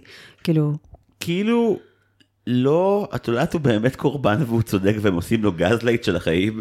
הם ממש משתמשים בו כפיתיון לשחפים. לכל אחד יש תפקיד בצוות, לפעמים התפ... התפקיד שלך זה להיות פיתיון. מצד אחד הוא כמעט מת כמה פעמים, מצד שני, כמי שראה לפני זמן לא ארוך את, אה, את פו הדוב 2011, ששם כאילו כל התוכניות שלהם נועדות לכישלון מוחלט והם פשוט גרועים בזה, כאן לפחות המבצע אכן מבוצע באפקטיביות. נכון, התולעת הוא בחצי, הוא, הוא בחצי פוסט טראומה, נ- נתגבר על זה ככה.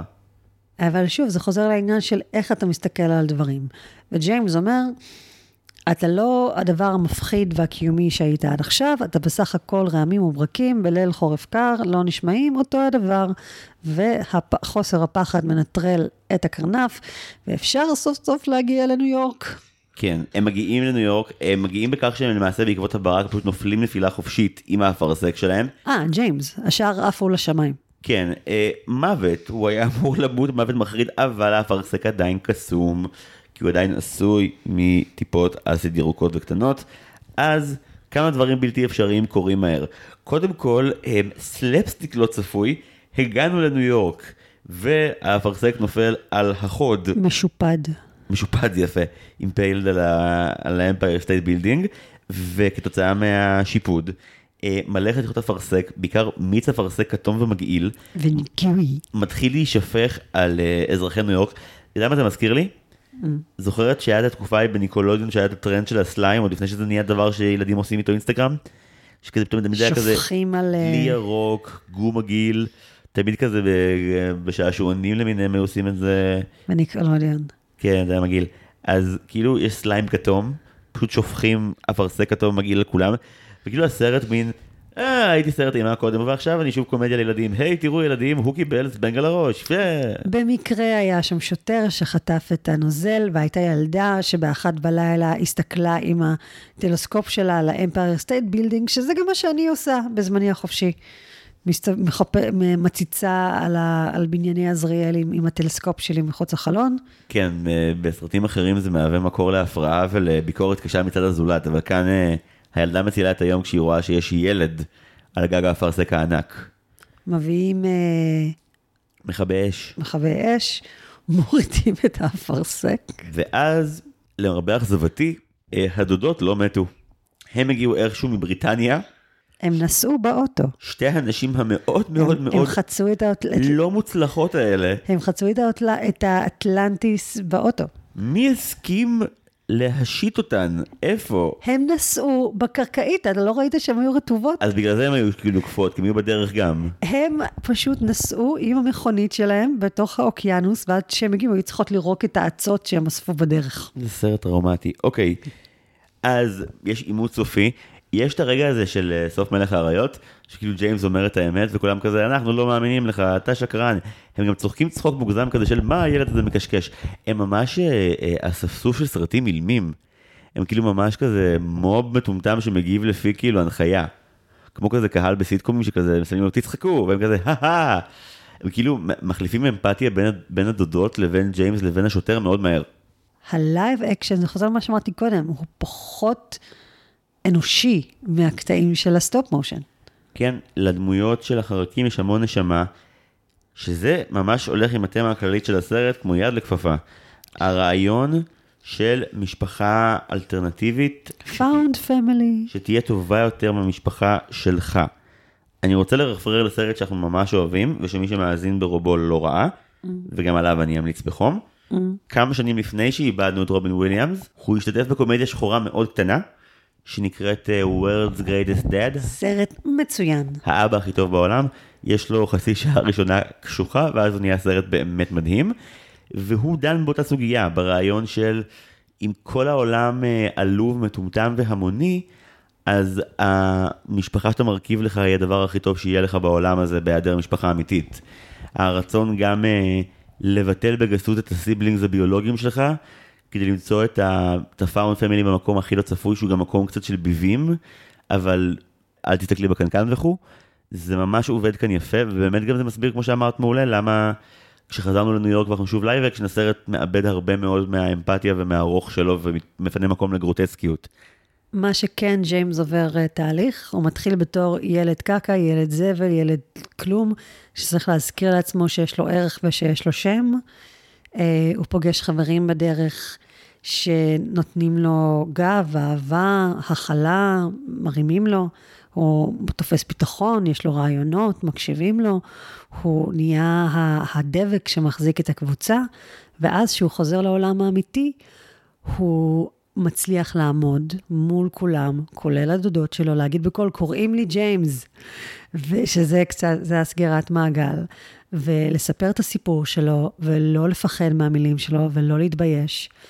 הצ'ופר שהוא מקבל על לעמוד שם ולדבר בקול רם, זה שהחברים חוזרים. ואיכשהו בניו יורק מצליחים להשיג בית. ו... לא, למעשה האפרסק הופך להיות הבית שלהם בסנטרל פארק. הם הופכים את האפרסק הגדול פשוט ל... הגרעין. הגלעין, סליחה, הגלעין. הגרעין הקשה. אוי, יפה לך. כי הרי יש את האפרסק הענק, ואז יש את כל הנאום באמת שבו הוא מצליח לשכנע את כולם. אה, הדודות שלו תופסות גרזנים מהמכבי אש ובאות להרוג אותו. כי למה לא? אה, בכך הם כמובן חושפות את ה-true nature שלהם סוף סוף. אה, לכל אנשי ניו יורק הטובים והרקי זה כמו אנשי ניו יורק בסרט הראשון של ספיידרמן וטובי מגווייר Don't you mess with you mess with spider you mess with whole New York כאילו איזושהי אמפתיה ניו יורקית שאני לא חושב שקיימת באמת בכלל אבל בסרט הזה זה חמוד ודפוק ומוזר וכן נכון ואז ג'יימס תוקף אותם ומלפף אותם בחוץ של העכביש, והן הופכות להיות מומיות, ואז נראה לי הן מתות, כי אין שם מקום לנשום. כן, מי שאמר שהסוף של טרזן היה אכזרי לו מדי, כאן פשוט uh, בודעים, חושפים את כל קנה הנשימה של הדודות הרעות, שזה גם דרך מצוינת להרוג אותם בטון של הסרט הזה, שזה אכזרי. ובעוד שהנשים האלה פשוט עומדות שמה באוויר ומפרפרות למותן, כל תושבי ניו יורק השמחים מתכבדים באפרסק של ג'יימס. הילדים שואלים את השאלה החשובה באמת. לא איך לעזאזל יש פה חרקים עם מודעות עצמית בשם גובה שני מטר, לא איך הגעת לפה מאנגליה, אלא האם אפשר לאכול את האפרסק. וג'יימס שהיה רעב כל כך הרבה זמן, פשוט אומר להם fucking כן, זה גם ככה זה לא יישאר לנצח, נכון? שזה חשוב. ברור, כי זה מראה, קודם כל שהוא למד מהדודות שלו איך לא להיות, לא איך כן להיות. אם אותו הרעיבו, אז הוא מאכיל את כל הילדים של השכונה, שלא לומר של העיר, וגם האופן שבו העיר גומלת לו על הנדיבות שבה הוא נקט בניגוד ל... לאפוטרופוסיות המגעילות שלו, זה שבאמת כל המשפחה החדשה שלו והוא חיים את החיים הכי טובים שלהם. יש ילדים שכל הזמן רוצים לבוא ולשמוע את הסיפור. יש לו חברים. יש לו חברים. כל אחד מהדמויות נהיה איזשהו חלק במשפחה, בין אם זה דוד מוזר, רק כמובן נהיית האימא הרשמית. אה, אם אני לא טועה, מרבה הרגליים סיים את התהליך שלו והוא מוכן להיות האבא עכשיו אחרי שהוא נמנע מהשקרים והפך לגיבור. אה, לקראת הסוף רואים מין פלשבקים של עיתונים, אז המרבה רגליים רץ לפוליטיקה. זה אחד המצחיקים, שהוא רוצה להיות מה, הנשיא או משהו כזה? נראה לי ראש העיר, הוא ממציא, הוא, יש לו הבטחות שלא מצליח לעמוד בהן. אה, הצרצר אה, עושה קונצרט ואנשים עפים עליו. החיפושית. נולדו לה מלא ילדים, והיא סוף סוף... אה, ושהיא לא צריכה, שלא צריכה לשלוח אותם רחוק. הכל כזה סוף טוב לכולם. כן, ויש לנו את uh, שיר הסיום המהמם, Good News, שזה כבר רנדי ניון אומר, טוב זוזו, אני לוקח פיקוד על השיר סיום של הסרט הזה, ביי. ונותן את האווירה מאוד... Uh, ניו יורקית מחממת לב ושקרית, שצריכה, ש, שלסיים את הסרט הזה בטון שבו את אומרת לעצמך, אנחנו אירונים, אנחנו רציניים, טוב, סוף טוב, הכל טוב, בוא נקבל את זה וביי. וזה הפך אותו בקלות אחד מסרטי הדיסני שאני יותר אהבתי מהשנה האחרונה. עכשיו, אני רואה את הפרצוף, את הפרצוף של הנחמד, השעה כבר אחת בלילה, אתה הולך לערוך, אני הולך לישון, הכל נגמר. לא, לא סיימנו כלום. כי להרבה מאזינים היה הרבה מה להגיד על הסרט הזה. ביחס למה שאמרנו בשעה האחרונה, ניתן להבין למה, am I right. את מוכנה לזה? בוא נשמע אותם. אוקיי, יש לנו קודם כל הרבה שכתבו לנו. יפעת רדזינסקי שואלת, האם זה הסרט שהנבל שרה מצד שמאל המפתח נמצא אבל הזוהר הוא בכיס החולצה? לא, את זוכרת באיזה סרט זה כן? לא. הנבלות כאן, שזה שתי הדודות לא שרות כלום, הן רק אה, רעות. אה, זהו, תודה רבה ליפעת. אביקו שלו, מאזין ותיק, אומר, סרט נדיר באסתטיקה שלו, נוגע ביתמות ומשפחה נבחרת. מעניין, דיברנו הרבה על משפחה נבחרת, לא הזכרנו את העובדה שג'יימס הופך לגיבור דיסני בדקה השנייה כשהוא מתייתם. ברוך הבא לדיסני, אתה יכול להיות חלק מאיתנו עכשיו. את חושבת שג'יימס הוא כאילו היתום הדיסני האולטימטיבי? לא. למה לא? כי יש יתומים יותר, ששרים בלדות יותר מרגשות עם השרעפת, הוא, הוא עוד לא שם. הוא יותר, יותר טים ברטוני. כי שיר הפתיחה שלו זה לא שיר רצון של מחזמר, זה שיר אני מעוניין לזכור מי אני, כי אני כבר לא זוכר, זה כאילו שיר רצון מאוד עצוב. באסתטיקה ובעולם זה טים ברטון, זה לא דיסני. הלאה. אוקיי, יש לנו שאלה של נועם תא, השאלה היא כזאת, דעתכם על שיתוף הפעולה של דני אלפמן וטים ברטון, זה ב-Nightmare Before Christmas, וזה מרשים. אבל אה, אני עדיין מעדיף את הסרט הזה. השירים ב Nightmare כן יותר משאירים חותם, זה, זה הוגן וצריך לומר כנראה. אני תוהה אם, אם, אם לא היה את ה live action, האם זה היה מוסיף, או מוריד, או מרים. נראה לי, לסרט הזה, ייתכן שמרים? אבל יש לזה ערך. נכון, כאילו כי הסיבה שהם גם הלכו על זה, זה גם תקציבית אבל גם באמת מהותית. כל צד של, ה... של העיצוב מביא את החלק המשלים, כמו שאמרת בעצמך. אוקיי, בסדר גמור. אז אה, אה, אוהבים את מה שדני אלפמן וטים ברטון עשו בסרט שהוא לא הסרט הזה. יש פרק אגב אה, על הסיוט שלפני חג המולד, שבו פרגנו לטים ברטון כי מה ידענו אז. אוקיי, שירלי מצגר גולדשטיין אומרת לנו כך, היי זיו, לקראת הפרק הערב רוצה לשתף בזה שהספר המכשפות של חברך הטוב דלי סיגל, הוא הספר הכי מפחיד בעולם, זה נכון, שעשה לי סיוטים במשך שנים. זה נכון. בנוסף, מעניין לחשוב על הנטיות האנטישמיות של דל, ועל הקשר שלהן לזה שהוא מאוד נהנה להרוג ולפגוע בדמויות שלא מתנהגות יפה בספרים שלו, לפעמים ההורים, לפעמים הילדים, ושיש בזה משהו שמזכיר את האחים גרים הגרמנים. משהו שחשוב לזכור בספר המכשפות זה שהילדים לא חוזרים להיות ילדים, הם נשארים עכברים. לא יודע אם זה האלכוהול או שנאת הילדים או שניהם ביחד, אולי הם גם מזינים זה את זה. אין סוף טוב, הם נשארים עכברים. שירלי, אנחנו איתך אה, במאה אחוז. אה, עדן רהב מבקש למסור, עדיין נחכה לפרק על מיקי דונלד וגופי שלושת המוסקטרים, בסדר? אה, אולי, אולי בהמשך. האמת שאנחנו פותחים, פותחים עמוד תרומות שבו אפשר להטיל עלינו לראות סרטים, אז תוכל דרך שם לתקוף את זה. אוקיי, עוד הערות. חבר ההסכת אור גולדמן כותב כך, רועל דל מספר באוטוביוגרפיה שלו על החינוך הקשוח שהיה לו בבית ספר, ואיך המנהל היה מכה אותו עם סרגל. אתם רואים את זה בסרט? אני רואה את זה במטילדה. אני רואה את האכזריות של המבוגרים שיש להם כוח. זה משהו שחוזר אצלו הרבה. אבל באמת, אה, טוב, לא, באמת לא- לרוב, אם יש ילדים אכזרים הם ילדי המשנה, ולרוב המבוגרים הם באמת אלה שיוצרים את האימה הגדולה. יש לך מאזן כוחות, יש לך... על- שוב, הדמויות הן לא, הדודות הן לא דמויות סימפטיות. אין להן שום הצדקה, אין להן שום גאולה, הן פשוט רעות כי הן רעות. אני יכול לראות את המנהל הרע בדודות באמת. המנהל, הם בדודות, הם, זה המנהל הרע במטילדה, מנהלת. מנהלת זה המכשפות ב, במכשפות. זה כן, יש שם רוע. אה, מעניין. רוע לא מוצדק וללא... תחשוב, אנחנו, ראי, אנחנו קראנו ספרי ילדים ש, שנותנים סיפור רקע ל, ל, לנבל. טוב שהרבה מהרוע בצ'ארלי מוקדש לדמויות של ילדים כשההצדקה היא חינוך רע. כאילו מבוגרים רעים עשו ילדים רעים, זה ממש מוצג בתור כזה דיינסטי של זוועות. אה, אוקיי, יש לנו עוד כמה שאלות, בואו נעבור עליהן כמו שצריך. גיא דובוי, בכמה אתם מדרגים את הסרט ברמת הסיוטים שכנראה יצלק אתכם אם הייתם ילדים? והאם לדעתכם הסרט צריך לקבל יותר הכרה כמו Nightmare Before Christmas היום? כן, הוא צריך לקבל יותר הכרה, הוא סרט ממש טוב. סרט ממש טוב. זה היה הרבה יותר כיף ממה שסיגל או אני נראה לי ציפינו. וקצת כמו דמבו, יש בסופו צדק וזה צדק אכזרי, אבל צודק. כמה סיוטים? אני חושב שבתור ילד זה לא מהדברים שדווקא היו מתרגרים אותי. זה זכור לי בתור דבר מפחיד. כאילו, be fair, אני ראיתי רק את הקרנף ולא את הסוף טוב.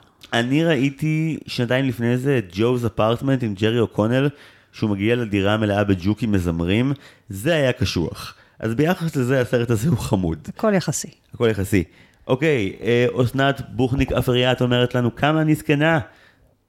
היא אומרת את זה לתמונה של הפוסט של מיקי והטלפון חוגה. אני מכירה אנשים שהיה להם טלפון כזה וזה היה הכי מעורר קנאה שאפשר. אוקיי, אסנת זה גם אחלה input על הפוסט, תודה רבה. טליה שחם, או טליה שחם, אה, גם מאזינה מאוד ותיקה, כותבת, מדוע לדעתכם תושבי ניו יורק לא נראו יותר מוטרדים מזה שנחת להם אפרסק ענק על גג הבניין הכי גבוה או משהו כזה? כאילו הם מהר מאוד עברו הלאה בלי לשאול איך לעזאזל הגיע לשם אפרסק. הילדים הר- הרעבים של ניו יורק לא שואלים שאלות. כזה, זה אוכל וזה חינם. האיש הזה הוא חבר שלנו עד שזה נגמר ואז נראה. אוכלוסיית ההומלסים גדולה ובעייתית. אני חושבת שחלק מהסיבה שכולם חברים של ג'יימס אחרי שהסיפור נגמר זה כי הם מתגעגעים לימים שבהם היה אפרסק גדול והיה להם אוכל אז הם חוזרים כדי להתרפק על הזיכרונות של הרעב. אם אין מערכת רווחה מתפקדת, לפחות שיהיה גשם של פלאפל. זה לא רע. אוקיי, יש לנו עוד הודעה בפרטי, ככה, חבר ההסכת וחבר בכלל, חגי בן יהודה, אהוב עלינו מאוד, כותב כך. אני חושב שזה הסרט היחיד שיצאתי ממנו מהקולנוע. ההורים שלחו אותי אליו עם האחים שלי, וא', הייתי צעיר ונראה לי שהיה קשה עם האנגלית והכתוביות, אבל ב', יותר מזה, משהו במעבר מה live לאנימציה הממוחשבת, שהם מפחיד. נכנסו לאפרסק, היה כל כך creepy והפחיד אותי, smiley מבועת, והייתי חייב לצאת. זהו. אחרי זה השלמתי אותו בתיכון, וזה היה בסדר. אני בעיקר זוכר את הסיום, שנוחת האפרסק הגדול בעיר, וכולם אוכלים ממנו, זה היה נראה ממש טעים וקינאתי. חגי, זה היה ארק שלם ומסחרר, אנחנו תומכים בך מאוד. אנחנו איתך. כן, כמו כן, אה, מערכת דיסני פורמציה מספקת אה, תמיכה נפשית לכל אה, פגועי הטראומה של ג'יימס אפרסק הענק. בעזריאלי יחולקו אפרסקים לכל המעוניינים. מעולה. אה, אנחנו מגיעים לשאלה האחרונה, שאלה מהבית, אה, של חברה, חברה טובה. אה, מגי מהפודקאסט מרשם לבינג' אמורה להגיע לפה להתארח בהמשך השנה, ושולחת לנו הודעה עם שאלה כזו לגבי הסרט. מגי, take it from here. אז ככה, השאלה שלי היא כזאת, האם המעידה על עברו המיני של רועל דאל כסוכן בריטי אצל האמריקאים שבעיקר עוסק במין עם אה, אמריקאיות ועל ידי כך אה, אה, לקיחת מידע לבני בריתם הבריטים, האם זה פוגע לך בחוויה בסרט? אם זה לא פוגם, תן לי להוסיף שהוא גם ציטוט מפורסם שלו מהתקופה ההיא שהוא all fucked out כי הוא לא יכול יותר לשכב עם נשים כי הוא שכב עם כל כך הרבה נשים והמפעיל שלו אומר תעצום את העיניים שלך ותחשוב על אנגליה. שמחתי לעזור. אם נראה לך שזה הסוף, יש עוד שאלה? שאלה נוספת, אה, זה האם אתם חושבים שראול דאל שונא ילדים? כי אני חושבת שכן. הוא פשוט שונא ילדים. לגבי הסעיף האחרון, כן, ברור. מאה אחוז, אנחנו איתך. אה, היה פה הרבה מידע חדש. את עוד בשאלה הראשונה, אני מבין. אני שמחה שלא חשדנו בשום שלב על חיי המין של, של דלי לאורך הסרט. אני מאמין שהוא פשוט אה, האכיל את כל הילדים של האמריקאיות האלה באפרסקים, ואז הם היו שבעים, ואז האמריקאיות אמרו, טוב, אוקיי, אני אספק לך מידע מודיעיני, בסדר. אה, מה זה גורם לנו להרגיש? אני חושב שלא חיבבנו את רועל דל לפני 20 דקות, אז עכשיו זה לא שכאילו, הו-הו, איזה מפלצת כמו ש... כן, כן, למה לא, בוא נוסיף עוד, עוד קצת נפט למדורה המאוד בוערת הזאתי. הרבה אנשים מאוד קשים ומאוד רעים כתבו אה, סיפורים מאוד טובים ומאוד אפקטיביים. גם אה, אם אה, השווינו קודם לפינוקיו ולקרלו קולודי, דווקא המסקנה שאני יוצא איתה מסוף המסע הזה עם אה, ג'יימס האפרסק הענק והסיבוב הקטן שעשינו על אה, דליה לדרך, זה שבניגוד לפינוקיו כאן יש כן איזשהו רצון ל... לאיזושהי גאולה טוטאלית, זה פשוט האמונה שהעולם יישאר מעוות ומכוער ושל אנשים רעים מגיע, אפרופו השאלון שלך, אנשים רעילים מגיע פשוט להיעלם מהחיים של כולנו. לא צריך להתמודד איתם, צריך פשוט לגרש אותם או להרוג אותם לפי רועל טל באופן קבוע, לא משנה מהו גילם.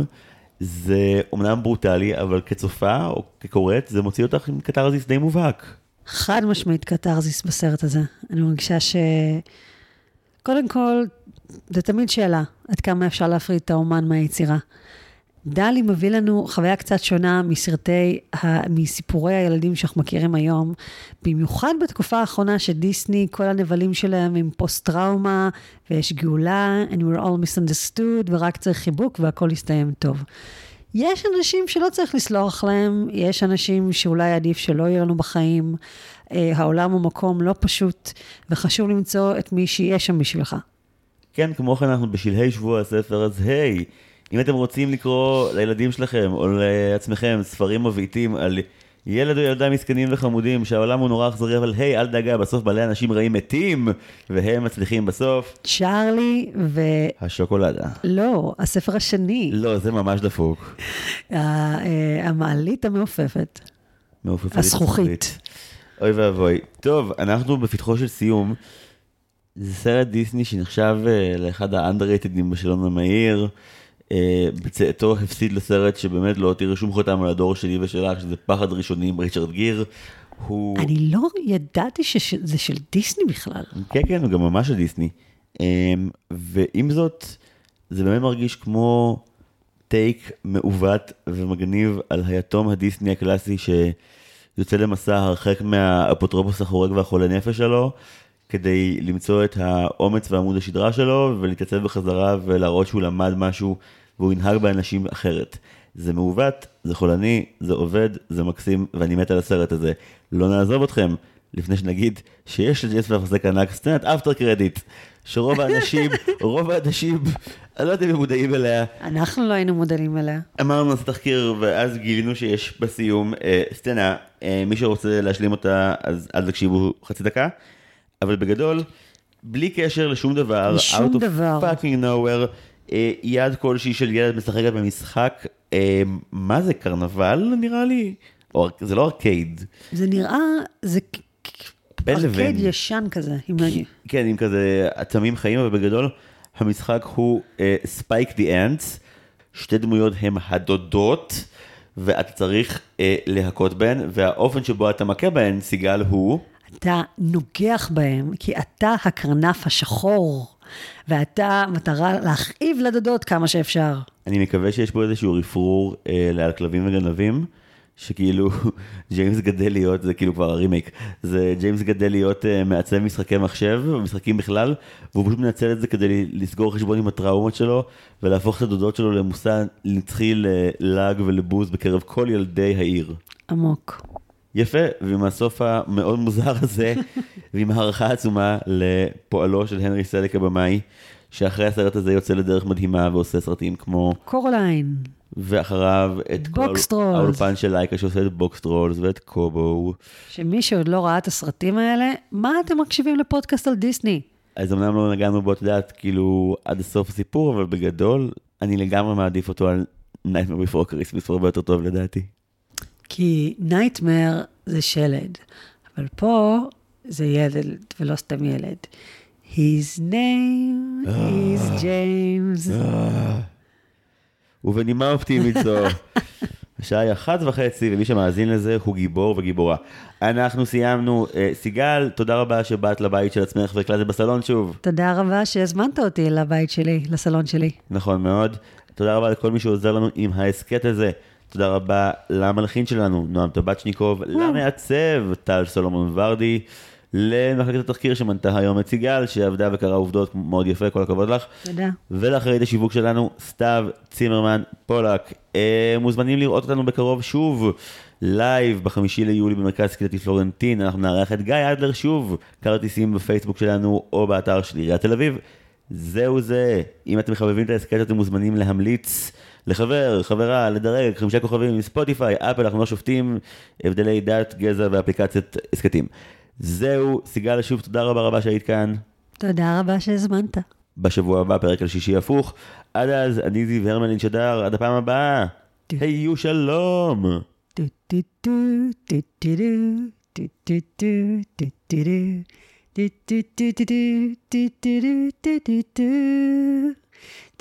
do do